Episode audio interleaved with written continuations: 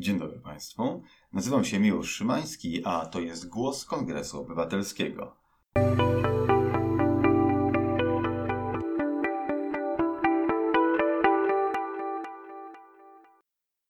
Moim gościem jest dzisiaj profesor Michał Kosiński z Uniwersytetu Stanforda, który to w 2013 roku był współautorem artykułu pod tytułem Private traits and attributes are predictable from digital records of human behavior, czyli cechy osobiste są przewidywalne na podstawie śladów pozostawianych w internecie, który to ukazał się w Proceedings of the National Academy of Sciences 9 kwietnia 2013 roku. W owym czasie artykuł ten był niezwykle przełomowy. Dość powiedzieć, że już 3 lata później, to znaczy w 2016 roku, w trakcie wyborów prezydenckich w Stanach Zjednoczonych, tezy te okazały się być prawdziwe, ponieważ firma Cambridge Analytica na podstawie zachowań ludzi przewidziała, jak się oni mogą zdecydować w wyborach i dzięki temu targetowała reklamy lepiej na ludzi, którzy się wahali. Jest to jedna z najgłośniejszych historii, w której pojawiają się algorytmy i o al algorytmach będziemy dzisiaj rozmawiać. Algorytmach, które sterują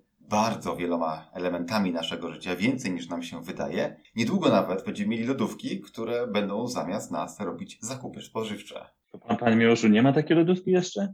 Nie no, ja jestem akurat tradycjonalistą, ja nawet nie mam Aleksy jeszcze.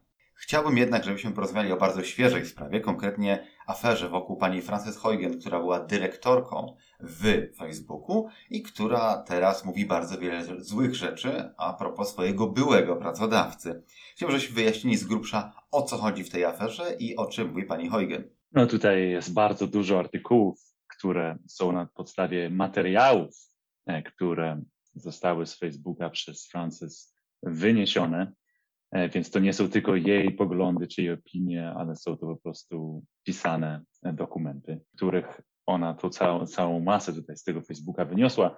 Więc tutaj być może to jest tylko dopiero wierzchołek góry lodowej, który tutaj do opinii publicznej został podany, ale myślę, że podsumować e, można to tak. Bardzo ciężko e, jest stworzyć nową technologię, która będzie miała na świat wpływ i upewnić się, że ten wpływ będzie tylko pozytywny. Proszę wziąć na tapetę jakąkolwiek inną technologię, od ognia i żelaza do węgla i e, energii nuklearnej, która przynosi nam błogosławieństwa, ale przynosi nam także niesamowite problemy. I to samo e, odnosi się do sieci społecznościowych. Jest to nowa technologia, technologia, która przynosi nam wiele bardzo błogosławieństw, pozwala nam łączyć się z ludźmi bardzo efektywnie, rozmawiać z rodziną, zwiększać ilość znajomych, z którymi możemy w jakiś sposób bierny czy aktywny utrzymywać kontakt. Bez wątpienia żadnego. I mówi tu tutaj krytyk Facebooka. Ja. Bez wątpienia żadnego Facebook ten przyniósł nam na świecie bardzo dużo korzyści. Połączył nas i stworzył, zmienił ten świat na lepsze. Ale ma ta technologia, każda inna technologia, wiele problemów. I co wynika tutaj z dokumentów, które Frances z Facebooka wyniosła, to to, że Facebook o wielu z tych problemach wie, ale nie wie, jak o tych problemach rozmawiać, czy nie wie, jak te problemy rozwiązać. I albo myślę znowu, że nie jest to tylko albo, no czy nie chcę, to, e, to nie jestem tego pewien. Nie wydaje mi się zupełnie, i znowu po, mówi, to, mówi to krytyk Facebooka. Nie wydaje mi się, żeby Mark Zuckerberg wstawał rano i planował tutaj, jak tą planetę naszą zniszczyć, jak społeczeństwo podzielić. Nie wierzę, że pracownicy, którzy przychodzą do Facebooka, wszyscy pracownicy, którzy przychodzą do Facebooka każdego ranka, wielu z nich jest moimi sąsiadami, wielu z nich e, znam osobiście i nie wierzę w to, że oni do tego Facebooka idą z zamiarem zniszczenia świata. Starają się po prostu robić swoją robotę, starają się zarobić pieniądze na pewno bez wątpienia i nie jest to zły instynkt w gospodarce kapitalistycznej. Zachęcamy firmy do tego, żeby produkowały produkty e, i usługi, które ludzie chcą zakupić, za które chcą płacić, czy w przypadku Facebooka, za które reklamodawcy e, chcą e, płacić. Ale te firmy, i Facebook jest tego doskonałym przykładem, tworzą problemy, które my jako społeczeństwo musimy analizować i musimy starać się jakoś rozwiązać. Powiedziałbym nawet, że nadzieja na to, że Facebook rozwiąże swoje problemy samodzielnie, czy nadzieja na to, że przemysł olejowy, czy przemysł produktów tytoniowych,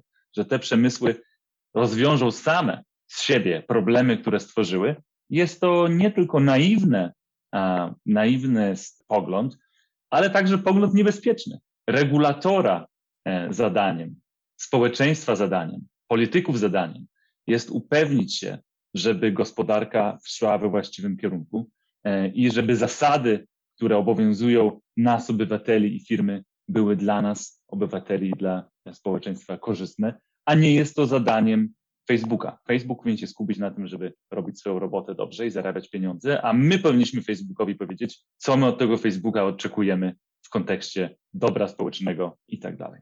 Na podstawie tego, co mówi pani Frances Holgen, wiemy, że naczelstwo Facebooka wie, co zrobiło, wie, że użytkowanie Facebooka czy Instagrama powoduje u nas dopaminowe kopy zbliżone do tych narkotycznych, więc oni wiedzą, że uczynili tak naprawdę narkotyk i manipulują tym po to, żeby zarobić więcej pieniędzy. Miłoszu, oczywiście, że tak. Jeżeli jesteś pisarzem, jeżeli jesteś, jeżeli piszesz Harry'ego Pottera, to starasz się tego Harry'ego Pottera tak napisać, żeby dzieciaki nie mogły z tej sypialni wyjść i czytają tego Harry'ego Pottera od rana do wieczora i potem całą noc tak samo.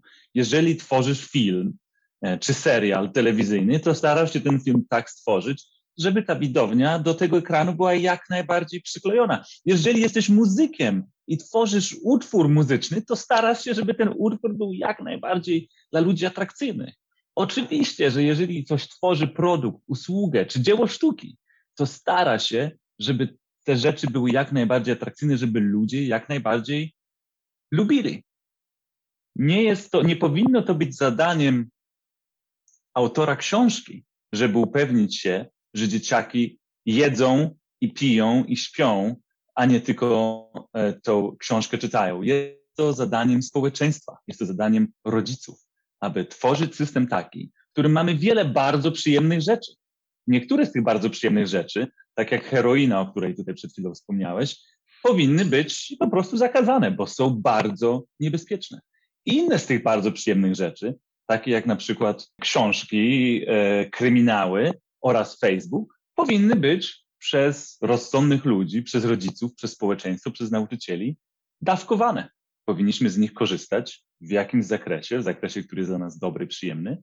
E, a jeżeli ktoś, dziecko, dorosły, zaczyna przesadzać i zaczyna z tego Facebooka korzystać przez wiele godzin dziennie i wpływa to negatywnie na jego, e, na jego samopoczucie, karierę czy też, e, czy też życie, to powinna, powinien ten czynnik zostać ograniczony lub usunięty. I to samo odnosi się na przykład do alkoholu. Wspaniałym jest napić się lampkę dobrego wina, wspaniałym jest napić się szampana, E, ale jeżeli staje się to e, po prostu codziennością i wielogodzinną rzeczywistością każdego dnia, no to jest to, e, jest to tutaj rzecz niepożądana. Więc nie powinniśmy domagać się od producentów wina, żeby to wino produkowali tak, żeby ono było niesmaczne, żeby ludzie po prostu jego nie pili. Byłoby to dziwne i pewnie byśmy nie zdołali tych producentów wina do tego przekonać. I wyniki tego nie byłyby dla nas dobre, szczególnie dla tych co to wino czasami lubią sobie wypić. A powinniśmy raczej skupić się na organizacji społeczeństwa, edukacji społeczeństwa, żeby mogło z tych używek, który tutaj Facebook jest też w pewnym sensie używką, mogli z tych używek rozsądnie korzystać. Teraz możemy płynnie przejść do badań, które Pan popełnił w 2013 roku, o których e, wspominałem we wstępie.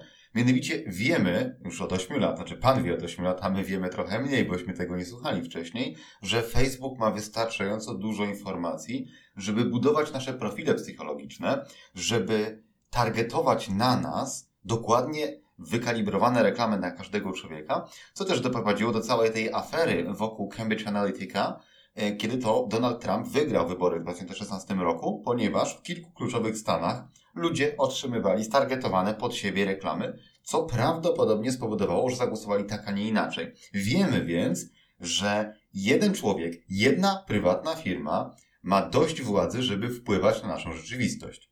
Bez wątpienia jest to niesamowite zagrożenie. Więc ja tutaj nie przejmowałbym się tak bardzo tym, że starzy i młodzi lubią sobie na tym Facebooku posiedzieć trochę za długo i e, lubią sobie tutaj jakieś teorie spiskowe poprzesyłać. To oczywiście są rzeczy problematyczne, ale to nie jest problem, wydaje mi się, najwyższej wagi. Najwyższej wagi problem jest to, iż firmy takie jak Facebook, czy Google, czy Microsoft, czy Apple posiadają niesamowitą ilość danych o obywatelach wielu krajów. Posiadają niesamowitą przez to siłę i moc wywierania wpływu zarówno na indywidualnych ludzi, na przykład poprzez zmienianie czy bardzo takie dyskretne moderowanie wiadomości czy informacji, które do tych ludzi e, docierają, ale także mają niesamowitą tutaj ekonomiczną siłę, gdzie przez te miliardy dolarów zysku są w stanie wywierać wpływ na polityków czy, czy całe państwa. I to, że tyle siły zgromadzone jest w rękach, można powiedzieć, kilku tutaj przedsiębiorców w Dolinie Krzemowej, jest na pewno dla społeczeństwa wielkim zagrożeniem, ale także jest, e, ma negatywny wpływ na postęp technologiczny. Wiemy bardzo doskonale, że monopoliści, że w sytuacji, gdzie na rynku panuje monopol, postęp gospodarczy, rozwój nowych technologii jest e, zatrzymany czy spowolniony. Niestety usługi internetowe działają w taki sposób, że naturalnie dążą do pewnej centralizacji. No bo lepiej się robi zakupy w sklepie, w którym jest wszystko, niż w takim, w którym jest tylko część rzeczy. Lepiej korzysta się z serwisu z filmami, który ma wszystkie filmy, niż takiego, który ma tylko części, trzeba szukać po kilku serwisach, nie daj Boże. Tak samo jest też z Facebookiem. We wszystkich krajach, w których Facebook jest dozwolony, czyli w większości krajów świata, ludzie naturalnie przeszli z innych serwisów społecznościowych do Facebooka, ponieważ on najszybciej się rozwijał. No teraz oczywiście mamy jeszcze Instagramy, TikTok i tak dalej, ale chodzi o to, że Internet ma tendencję do centralizacji, do używania jednego najpopularniejszego medium, wyszukiwarki sklepu itd. Tak w związku z powyższym mnóstwo ludzi ma od lat konto na Facebooku. Ja na przykład mam konto na Facebooku od 12 lat i przez 12 lat ja wyprodukowałem gigantyczną ilość danych dla Facebooka. Y, tysiące, miliony prawdopodobnie lajków, komentarzy, a także interakcji z innymi użytkownikami. Facebook wie, z kim gadałem częściej, z kim gadałem rzadziej, jakie posty lajkowałem, jakich nie lajkowałem, jakich ludzi miałem znajomych, jakich usunąłem znajomych. I w ten sposób, na podstawie maleńkich okruszków danych, Facebook może zbudować bardzo dokładny obraz mnie jako człowieka. I to porównałbym do malowania portretu przy użyciu długopisu, którym możemy robić tylko kropki. I owszem, namalowanie długopisu przy pomocy kropek jest niezwykle pracochłonne, ale mając takich kropek dziesiątki tysięcy albo miliony, to można stworzyć bardzo dokładny obraz człowieka. I co więcej, panie Miłoszu, tutaj rzecz, o która nie każdy sobie z niej zdaje sprawę, to to, że e, te nasze lajki na Facebooku, te nasze posty, te zdjęcia, które do tego Facebooka e, wrzucamy, no to jest tylko wierzchołek góry lodowej. Bo okazuje się, że na podstawie tych niewinnie wyglądającego lajku, czy to pana ulubionej książki, czy to jakiegoś tam filmiku ze śmiesznym kotkiem, na podstawie tych niewinnie wyglądających lajków, e, bardzo prosty algorytm komputerowy jest w stanie stworzyć bardzo dokładny profil psychologiczny, jest w stanie zrozumieć Pana poglądy polityczne, Pana orientację seksualną, Pana y, religijność, E, pana osobowość, inteligencję, e, czy pije pan alkohol, czy pali pan papierosy. Nawet jest w stanie taki algorytm przewidzieć z dokładnością e, przyzwoitą, czy pana rodzice byli rozwiedzeni, czy też nie, bo oczywiście ma to w jakimś tam małym stopniu wpływ na pana zachowanie. I to nie tylko pozwala sprofilować pana psychologiczny profil w dniu dzisiejszym, ale pozwala także przewidzieć pana zachowanie w przyszłości. I oczywiście to przewidywanie pana zachowania jest zwykle używane do tego, żeby wybrać produkt czy usługę, którą najlepiej panu postarać się sprzedać przez tego Facebooka, ale może być to wykorzystany ten sam algorytm do tego, żeby, żeby przewidzieć, czy na przykład jak zareaguje pan na daną manipulację psychologiczną, która ukierunkowana jest na to, aby pana na przykład zniechęcić do tego, żeby iść głosować, albo żeby zmienić pana, zmienić kandydata, na którego pan będzie głosował. I do tego, do takich technologii, takich algorytmów dostęp ma oczywiście Facebook. i wiele innych firm technologicznych, ale mają do takich możliwości dostęp także małe firmy, startupy czy służby e, różnych krajów, które mogą po prostu korzystać z tego Facebooka jako z platformy do tego, żeby sobie tutaj swoich kandydatów czy swoich ulubionych kandydatów promować w sposób dla nikogo niewidoczny, bo nawet i Facebook, nawet i Facebookowi trudno przecież odróżnić pomiędzy, pomiędzy panem Miłoszem, który bardzo kocha danego polityka i na temat tego polityka wygłasza pozytywne opinie e, samodzielnie oraz może nawet jakąś reklamę wykupi na Facebooku, żeby przekonać e, tych e, e jeszcze nieprzekonanych, a panem Miłoszem, który jest e, finansowany przez służby bezpieczeństwa innego kraju i zachowuje się w dokładnie ten sposób. Bardzo ciężko jest to zarówno ludziom, jak i firmom, takim jak Facebook, e, bardzo często rozróżnić pomiędzy, pomiędzy takimi dwoma scenariuszami. No i teraz, żebyśmy tak w prosty sposób wytłumaczyli, jak to działa. Jeżeli nakarmimy algorytm danymi tysiąca osób o podobnych cechach, to możemy z dużą dozą prawdopodobieństwa powiedzieć, że tysiąc pierwsza osoba będzie zachowywała się podobnie. Z Pana badań wynika, że osoby, które mają e, krótko przystrzyżoną brodę, w sensie parodniowy zarost, mają tendencję do posiadania poglądów bardziej liberalnych, natomiast osoby, które mają wąsy, mają tendencję do posiadania poglądów bardziej konserwatywnych. I teraz, jeżeli my wiemy, że tysiąc osób z wąsami miało raczej poglądy konserwatywne, to tysiąc pierwsza osoba prawdopodobnie na 67% będzie miała także poglądy konserwatywne. I w ten sposób budowany jest obraz człowieka. Panie Miłoszu, dokładnie tak. I oczywiście zmiana, żaden, żaden pojedynczy czynnik, czy można inaczej, bardzo rzadko pojedynczy czynnik, taki jak posiadanie wąsów, czy lajkowanie danej marki, czy danej książki na Facebooku. Bardzo rzadko taki jeden czynnik jest, umożliwia przewidywanie z dużą dokładnością poglądów politycznych czy czegokolwiek innego. Zwykle taki czynnik zmienia prawdopodobieństwo, że jest pan konserwatystą albo liberałem o ułamki procenta. Ale ponieważ coraz więcej czasu spędzamy w rzeczywistości wirtualnej i zostawiamy tych cyfrowych śladów setki czy tysiące każdego dnia, to okazuje się, iż nawet jeżeli każdy z takich cyfrowych śladów, przeczytanie danej książki w internecie, zostawienie danego komentarza pod artykułem gdzieś e, prasowym, czy, zdję, czy posiadanie wąsów na zdjęciu, każdy z takich malutkich okruszków informacji, jeżeli pomnożymy to przez setki czy tysiące tych okruszków, które zostawiamy w rzeczywistości wirtualnej każdego dnia, to okazuje się, że nawet bardzo prosty algorytm jest w stanie z wielką dokładnością przewidzieć nasze poglądy, nasze preferencje, nasze przyszłe e, zachowanie. Więc e, niestety żyjemy dzisiaj w rzeczywistości, gdzie prywatność powinna być chroniona, ale jest ona dzisiaj przywilejem, przywilejem, który bardzo łatwo może nam zostać odebrany przez zmotywowaną osobę, zmotywowaną firmę, czy zmotywowany wywiad e, innego kraju, który jest w stanie bardzo łatwo odkryć nasze bardzo intymne cechy i przewidzieć nasze przyszłe zachowania. To mi przywodzi na myśl sposób, w jaki pisze się powieści albo scenariusze filmowe, bo e, w powieści albo w filmie mamy, żeby pokazać jakąś postać, która nie jest głównym bohaterem, no tak naprawdę kilka akapitów, kilka scen, w których trzeba zarysować najważniejsze cechy charakteru, tak żeby widz bądź czytelnik mógł sobie wyobrazić, kim ta osoba jest ogólnie jako postać. I w ten sposób za pomocą kilku ruchów można ocenić y, taką postać, czy jest dobra, czy zła. No i teraz, w przypadku, na przykład wracając do mojego przypadku na Facebooku, kiedy ja 12 lat mam tego Facebooka, ja dostarczyłem Facebookowi całe kilometry tekstu w postaci moich zachowań i tak dalej i Facebook tak naprawdę dokładnie wie, kim ja jestem, bo ma tak tyle przecież wsadu.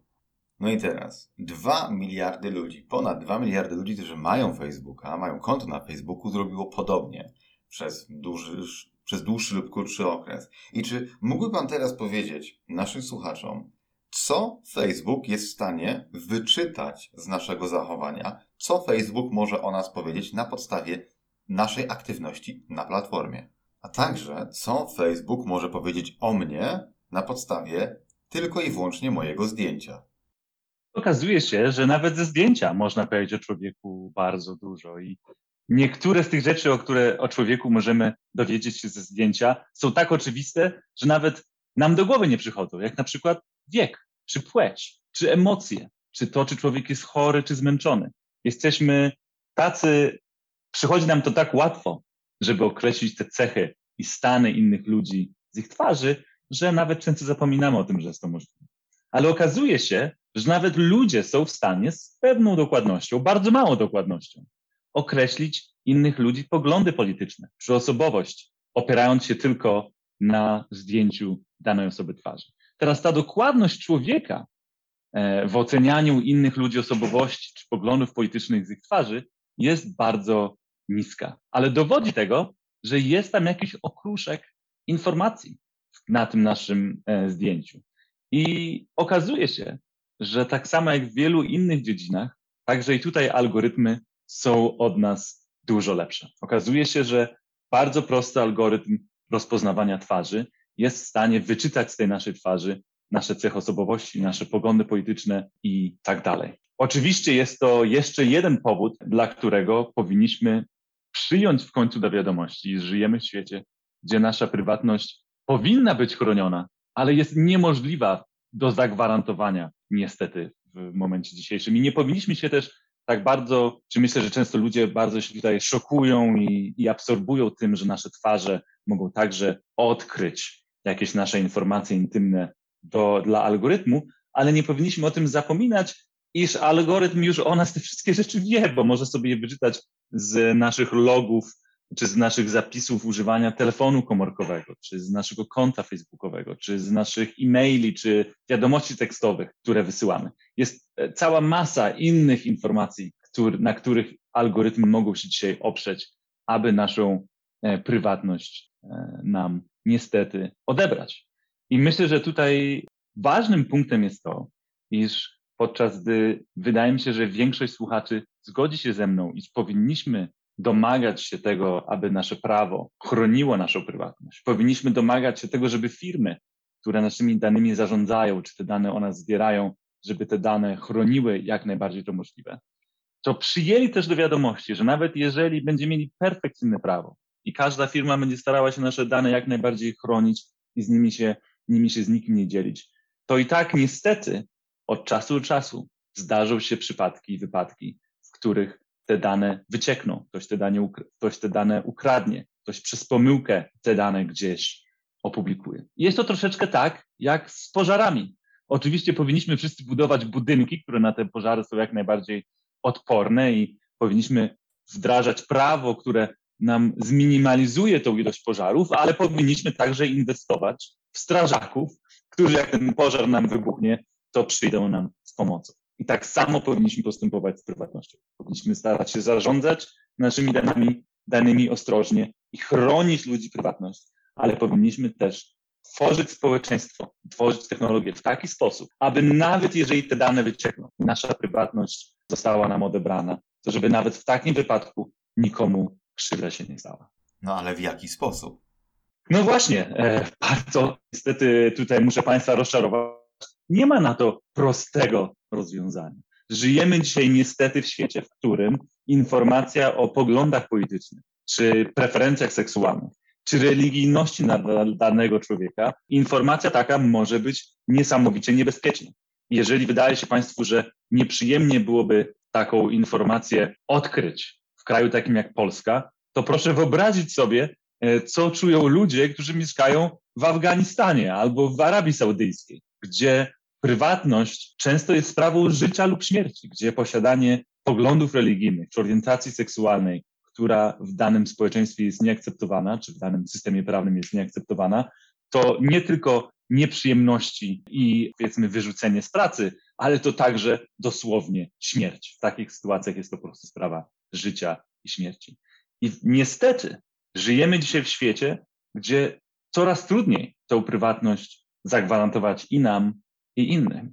I dlatego powinniśmy radykalnie dążyć do tego, aby edukować nasze społeczeństwo i społeczeństwa innych e, krajów, aby chronić mniejszości religijne, polityczne, seksualne, zarówno prawnie, jak i normami społecznymi, tym, żebyśmy edukowali ludzi w kwestiach tolerancji i domagali się do tego, tego żeby ludzie tolerowali zarówno nas, jak i tego, żebyśmy my e, tolerowali innych. Dlatego i w przyszłości mieliśmy ten listek figowy prywatności. Jeżeli ktoś był ateistą czy gejem i żył w środowisku, gdzie cechy te, poglądy ateistyczne były nieakceptowane, to osoba taka mogła po prostu nie dzielić się tą informacją z innymi i jakoś tam sobie przetrwać. Dzisiaj osoba taka ma coraz mniej możliwości kontroli nad swoją prywatnością i w związku z powyższym nie mamy żadnego czasu tutaj do zmarnowania. Musimy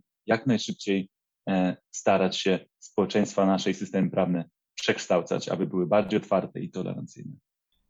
No a teraz wydaje mi się, że możemy łatwo sobie już wyobrazić pewną dystopię, w której to, tak jak to było w filmie Raport Mniejszości, na podstawie mojej twarzy zeskanowanej na wejściu do sklepu, ja będę miał wyświetlane w sklepie reklamy stargetowane dokładnie pode mnie, ponieważ algorytm będzie wiedział, że ja wszedłem do tego sklepu kupić ciemne buty, a nie na przykład jeansowe spodnie i że to może pójść jeszcze dalej, że nie tylko reklamy będą targetowane, ale na podstawie twarzy będziemy sortowani na różne w ogóle grupy społeczne. Będziemy traktowani zupełnie inaczej i że zaczniemy funkcjonować w jakimś rodzaju apartheidu. Możemy także wyobrazić sobie sytuację, w której e, na podstawie informacji zebranych z mojego telefonu algorytm będzie wiedział, że ja kupuję alkohol często i że nocami szybko się przemieszczam, czyli prawdopodobnie jadę samochodem i połączywszy jedno z drugim stwierdzi, że jeżdżę po pijaku, czyli że moja stawka na ubezpieczenie może wzrosnąć.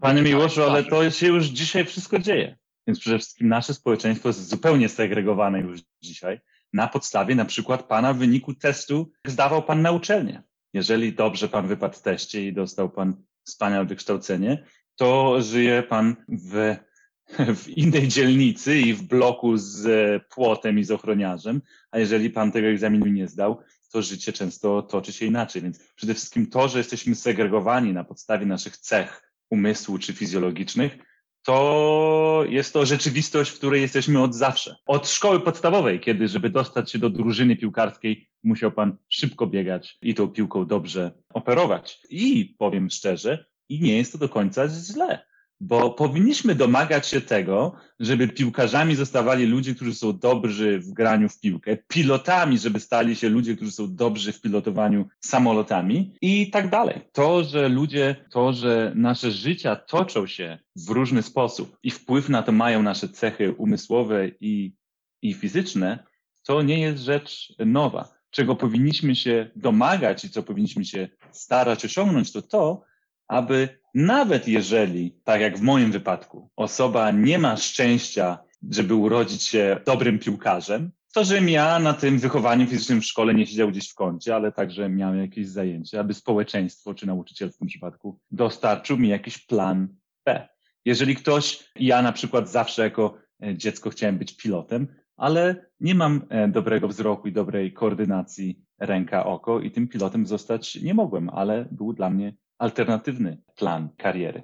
Więc e, tutaj segregacja nie jest, wydaje mi się, problemem. Jak podchodzimy do ludzi, którzy w tej segregacji przegrywają, to jest problemem. A wydaje mi się też, że nie ma problemu z tym, iż jeżeli ktoś e, lubi sobie po pijaku pojeździć, to powinniśmy nie tylko odebrać, nie tylko podwyższyć mu stawkę ubezpieczenia, ale powinniśmy mu po prostu to prawo jazdy odebrać. Nie jest to problemem dla mnie, e, żebyśmy tutaj trochę morderców z tych dróg usunęli. I proszę pamiętać o tym, że już dzisiaj żyjemy w środowisku e, zupełnie z raportu mniejszości. Idzie dziecko do szkoły podstawowej, w tej szkole podstawowej, jeżeli ta szkoła jest szkołą dobrą, będzie zapewne od czasu do czasu przynajmniej e, psycholog, który dzieci obserwuje i stara się wyłapać dzieci, które mogą mieć problemy na przykład z kontrolą swojej agresji, czy ze skupieniem się na nauce i stara się tym dzieciom poprawić życie czy terapią, czy poradą.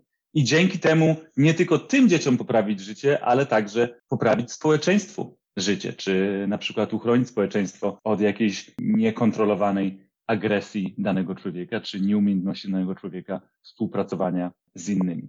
Więc dzisiaj już żyjemy w świecie, gdzie staramy się przewidywać jakieś potencjalne przyszłe negatywne zachowania i e, staramy się profilaktykę w tym kierunku wdrażać. I teraz jeżeli praca psychologa społecznego mogłaby być wspomagana algorytmami, które pomogą temu psychologowi szkolnemu pomóc dzieciom lepiej i skuteczniej i pomogą nam rozszerzyć taką opiekę dla dzieci, które dzisiaj może opieki takie są pozbawione, czy w Polsce, czy w innych krajach. To nie są to złe konsekwencje takich algorytmicznych predykcji. Złymi konsekwencjami byłoby, gdybyśmy wykorzystywali takie algorytmy do tego, żeby odebrać ludziom dostęp do usług, czy, czy odebrać im dostęp do jakichś benefitów, które w społeczeństwie otrzymujemy, żeby tych ludzi uwięzić, czy podzielić ich e, na jakieś frakcje, które ze sobą są w, w konflikcie. No tak, ale to się już przecież dzieje, bo w Chinach przecież jest od kilku lat rozbudowany system ratingu społecznego,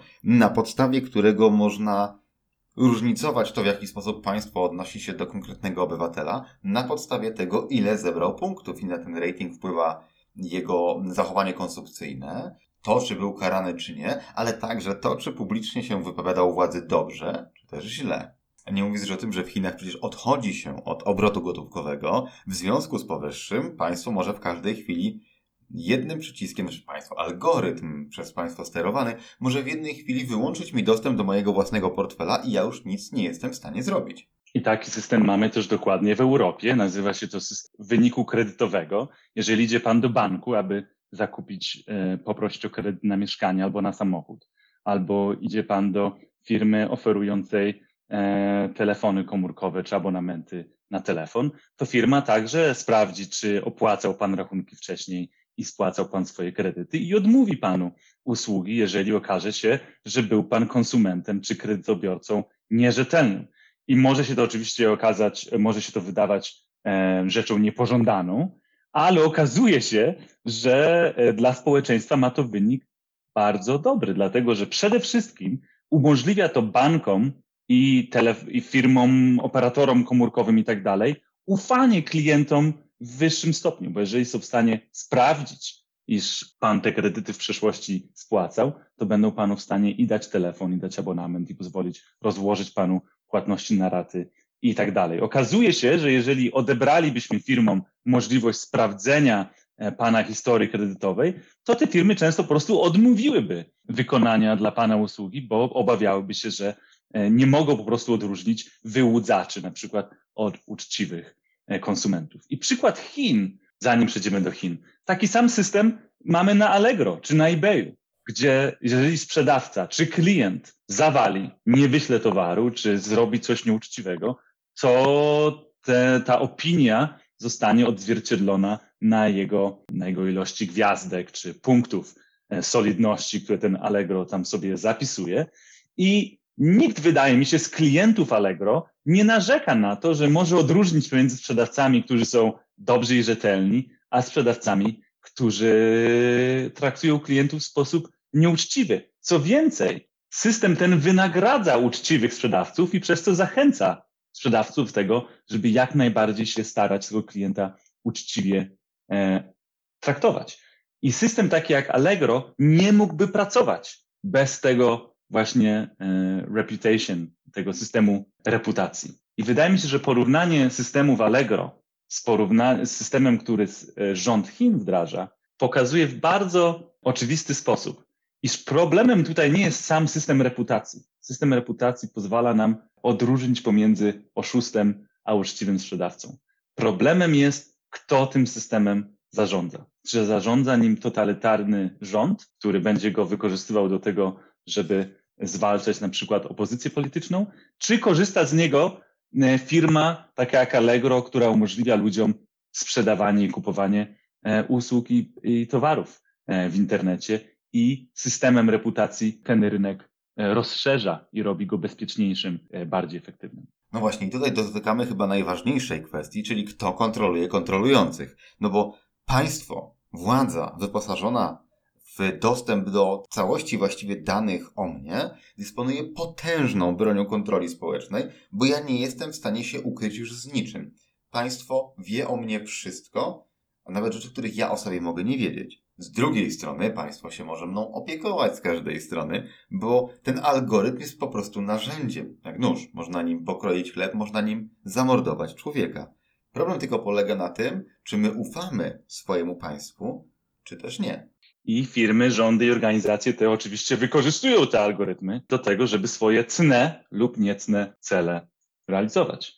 Ale proszę pamiętać o tym, że te same algorytmy i te same technologie, które dają dodatkową władzę czy dodatkową e, przewagę organizacjom, rządom, firmom technologicznym, te same technologie dają nam, obywatelom, e, niesamowite nowe narzędzia i możliwości. Pozwalają nam komunikować się poza kontrolą naszych rządów. Pozwalają nam wymieniać się informacjami poza kontrolą cenzury i tychże rządów. Pozwalają komunikować się nam ponad podziałami i ponad granicami. Pozwalają nam zachowywać czy kontrolować swoje dane w stopniu, które nie były dla nas nigdy dostępne.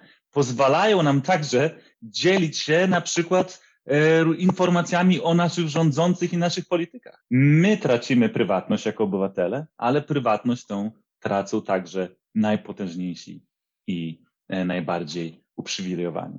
No pod warunkiem, że to nie jest tak, że władza kontroluje wszystkie środki przekazu i my, nawet używając 15 VPN-ów, nie jesteśmy w stanie wyjść spoza tej kontroli. I jest to bardzo dobra uwaga, Pani Miłoszu, ale proszę zwrócić uwagę na to, co się dzieje, bo oczywiście te nasze zalety, które my jako obywatele mamy, często e, wykorzystujemy w sposób głupi. Na przykład te same kanały komunikacji, które możemy używać do tego, żeby komunikować się poza kontrolą cenzury i rządu, wykorzystywane są do tego, żeby przesyłać na przykład teorie spiskowe i żeby manipulować ludźmi. Czy e, przestępcy wykorzystują te kanały do tego, żeby przesyłać sobie pieniądze, czy informacje, czy na przykład handlować pornografią dziecięcą? I z powodu tego, że te niesamowite technologie, które pozwalają które dają nam właśnie tyle błogosławieństw, wykorzystywane są często w niecnych celach. Dzisiaj żyjemy w świecie, gdzie społeczeństwa coraz częściej domagają się tego, żeby ci rządzący właśnie przejęli z powrotem nad tymi naszymi niezależnymi kanałami kontrolę. I wydaje mi się, że jest to proces bardzo niebezpieczny, bo oczywiście ta możliwość nasza, Panie Miłoszu, że my możemy sobie właśnie użyć aplikacji na naszym telefonie, żeby w sposób zakodowany się ze sobą E, porozumieć, daje czy wyrównuje siły rządzących i rządzonych. Daje rządzonym narzędzia do tego, żeby bez kontroli tych rządzących się tutaj zorganizować czy porozumieć. Ale coraz częściej ci rządzeni obywatele manipulowani są, czy rządzący przekonują ich do tego, żeby dać tym rządzącym prawo do odebrania nam tych niezależnych kanałów, właśnie z powodu tych różnych negatywnych aspektów tych kanałów. I wydaje mi się, że jest to bardzo proces niebezpieczny. Przywodzi mi to na myśl produkcję prawa karnego w oparciu o pojedyncze przypadki, na przykład kiedy ktoś kogoś zamorduje przy użyciu maczety i od tamtej pory mamy w Polsce w ustawie o broni i amunicji zakaz posiadania ostrza dłuższego niż 20 cm, jeżeli zostało ono wcześniej zarejestrowane w właściwym komisariacie policji. No i tak samo może być z algorytmami, w których jeżeli państwo będzie chciało, powołując się chociażby na względy bezpieczeństwa, kontrolować pewne algorytmy, to my już niewiele będziemy mogli z tym zrobić. No i znów wracamy do tej samej kluczowej kwestii, czyli czy my ufamy państwu, w którym żyjemy, czy też nie? Czy ufamy naszemu rządowi, czy uważamy, że jest on groźny? Panie Miłoszu, zupełna zgoda. Ta nasza właśnie cyberprzestrzeń pozwala nam także bardzo często właśnie tutaj przekraczać granice w sposób który nie mogliśmy przekraczać w przyszłości. Oczywiście w internecie istnieje cenzura i oczywiście rządy starały się ten internet kontrolować, ale nasza możliwość przesyłania informacji pomiędzy krajami, czy pomiędzy podziałami społecznymi, czy nasza możliwość na przykład powodowania wycieków jakichś informacji z organizacji takich jak na przykład rządy, czy, czy, czy, czy Ministerstwa Obrony i tak dalej, jest, no nie, nie ma precedensu. Jesteśmy jako jako rządzeni mamy właśnie te różne możliwości, którzy, których nasi rodzice, e, dziadkowie nie mieli.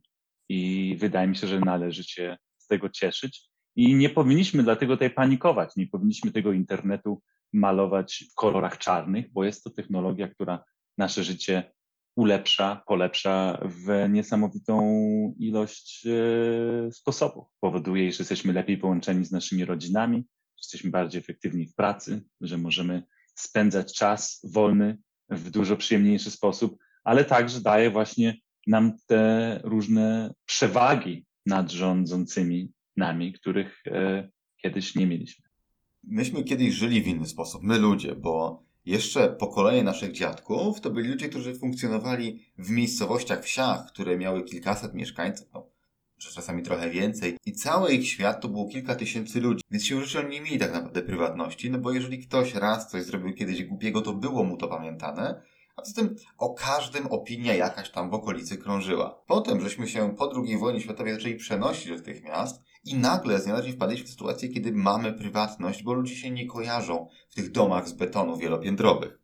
No ale teraz, ponieważ pojawił się internet i algorytmy w nim funkcjonujące, to my na powrót tracimy tę prywatność. Z tą jednakowoż różnicą, że teraz wszystkiego o nas mogą dowiedzieć się ludzie nam całkowicie obcy, którzy są na drugim końcu świata. I to mnie doprowadza do wniosku, że prywatność jako taka była tylko i wyłącznie stanem przejściowym pomiędzy jednym brakiem prywatności wynikającej z bliskości, a drugim brakiem prywatności wynikającej z nowoczesnych technologii. Bardzo pięknie Pan to ujął, Panie Miłoszu. A może zaleta tego będzie taka, iż jeżeli każdy naszą prywatność może odsłonić, a my możemy odsłonić każdego innego prywatność, to może okaże się, że po prostu e, ludzie nie będą się tym ekscytować i przejmować. I widzieliśmy, historia pokazuje nam tego e, przykłady. E, jak Big Brother był po raz pierwszy pokazywany w telewizjach na całym świecie, powodował on wiele ekscytacji i tutaj ludzie po prostu nie mogli wysiedzieć, żeby tutaj komuś nie pozaglądać, co tam się dzieje w wielkim domu. A dzisiaj żyjemy otoczeni kamerami, e, instalują ludzie często e, kamery w swoich domach ochoczo. I ponieważ tak przeciętnym, tak zwyczajnym stało się to, że można tutaj może komuś zajrzeć do salonu, że po prostu ludzie zdecydowali, że nie jest to absolutnie ciekawe, jest, jest dużo ciekawszych rzeczy e, do e, zrobienia w życiu. Więc e, może po prostu okazać się tak, że jeżeli wszyscy tą prywatność powoli stracimy, czy już ją powoli tracimy, to nagle okaże się, że nikogo nie będzie tak ekscytować to, kto w co wierzy, albo kto jakie ma poglądy polityczne, albo to, kto z kim sypia, bo po prostu stanie się to informacją nudną i dla każdego dostępną. Przywodzi mi to na myśl Królestwo Niderlandów i holenderski zwyczaj polegający na tym, że w domach nie ma zasłon. Wziął się on pierwotnie z tego, że wśród Holendrów było bardzo wielu marynarzy i żołnierzy, którzy wypływali tam w dalekie kraje, na kol w kolonie, walczyć i administrować i handlować. W związku z powyższym bardzo wiele kobiet żyło bez mężczyzn, więc mm, że tak powiem, żeby było bezpieczniej, to nie było zasłon, żeby sąsiedzi mogli widzieć, czy przypadkiem nie dzieje się jej krzywda. Jakiekolwiek nie byłoby pochodzenie tego zwyczaju, to jednak fakty są takie, że on się do dzisiaj utrzymał. I jak się jest w Holandii, to z łatwością można rozróżnić domy Holendrów od domów nie-Holendrów, ponieważ w domach Holendrów zasłonek nie ma, a w domach nie-Holendrów zasłonki są. Ja pytałem wielu Holendrów, bo dla nas jest to przecież takie dosyć dziwne, czy im to nie przeszkadza, że nie mają zasłon i każdy może im zajrzeć do domu. I wszyscy ci Holendrzy, niezależnie od siebie, mówili to samo.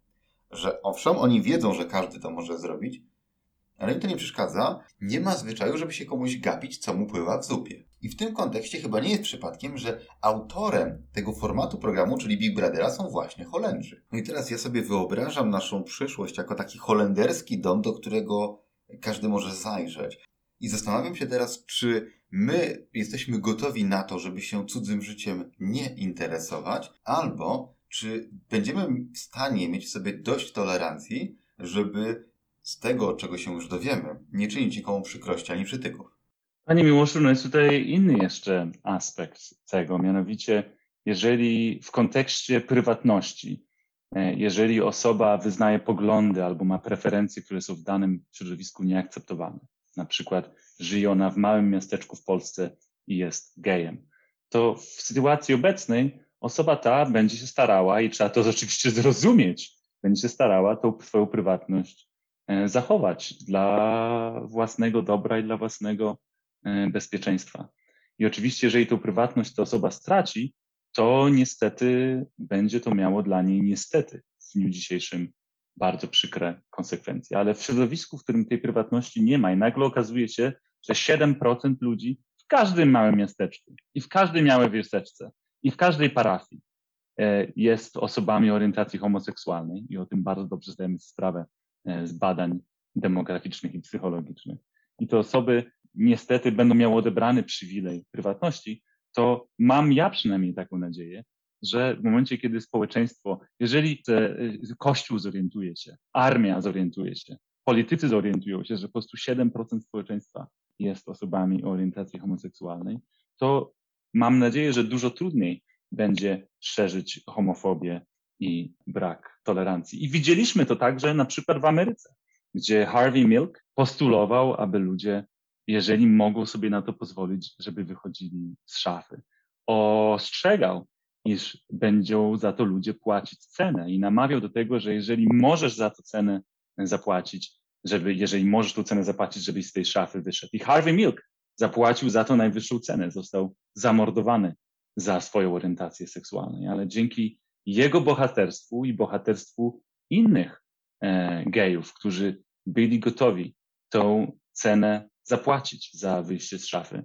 Żyjemy dzisiaj, przynajmniej w Stanach Zjednoczonych, w środowisku, gdzie dużo bezpieczniej e, jest być gejem, czy jest być innym. Nie jest to sytuacja jeszcze perfekcyjna, e, daleko jesteśmy jeszcze od ideału, ale na pewno jest to dzisiaj świat dużo lepszy niż 10, 23, 40 lat temu. I mam nadzieję, że ta utrata prywatności, której ja nie jestem fanem i przed którą ostrzegam i gdzie tutaj przeprowadzam badania, starając się znaleźć właśnie dla tej prywatności największe zagrożenia i starać się zrozumieć, jak tą prywatność moglibyśmy jeszcze troszkę ochronić, jeszcze przynajmniej przez kilka lat, ale mam taką nadzieję, że jeżeli podejdziemy do tego problemu dobrze, do tej naszej utraty prywatności, to może okazać się, że nie tylko nam tak bardzo to nie zaszkodzi, ale no nie z takimi problemami ludzkość sobie poradziła i musi sobie poradzić, ale także, że będą z tej utraty prywatności jakieś zalety. No i w ten sposób dochodzimy do wniosku, który często się pojawia w moich e, rozmowa w Głosie Kongresu Obywatelskiego, mianowicie, że postęp technologiczny jest nieunikniony. Jeżeli będziemy się starali płynąć pod prąd albo zawracać rzekę kijem, to na niewiele się to zda. I że trzeba po prostu nauczyć się żyć w tym zmieniającym się świecie. Więc rozumiejąc to, czego algorytmy się mogą o nas dowiedzieć i w jaki sposób one działają, możemy żyć z nimi razem w sposób trochę bardziej świadomy. I kontrolowany. Ma Pan całkowitą rację, Panie Miłoszu, i tego sobie i wszystkim innym życzę. Dziękuję panu pięknie za rozmowę. Dziękuję panie Miłoszu, dziękuję państwu. Moim gościem był profesor Michał Kosiński z Uniwersytetu Stanforda, a także członek kolegium Civitas.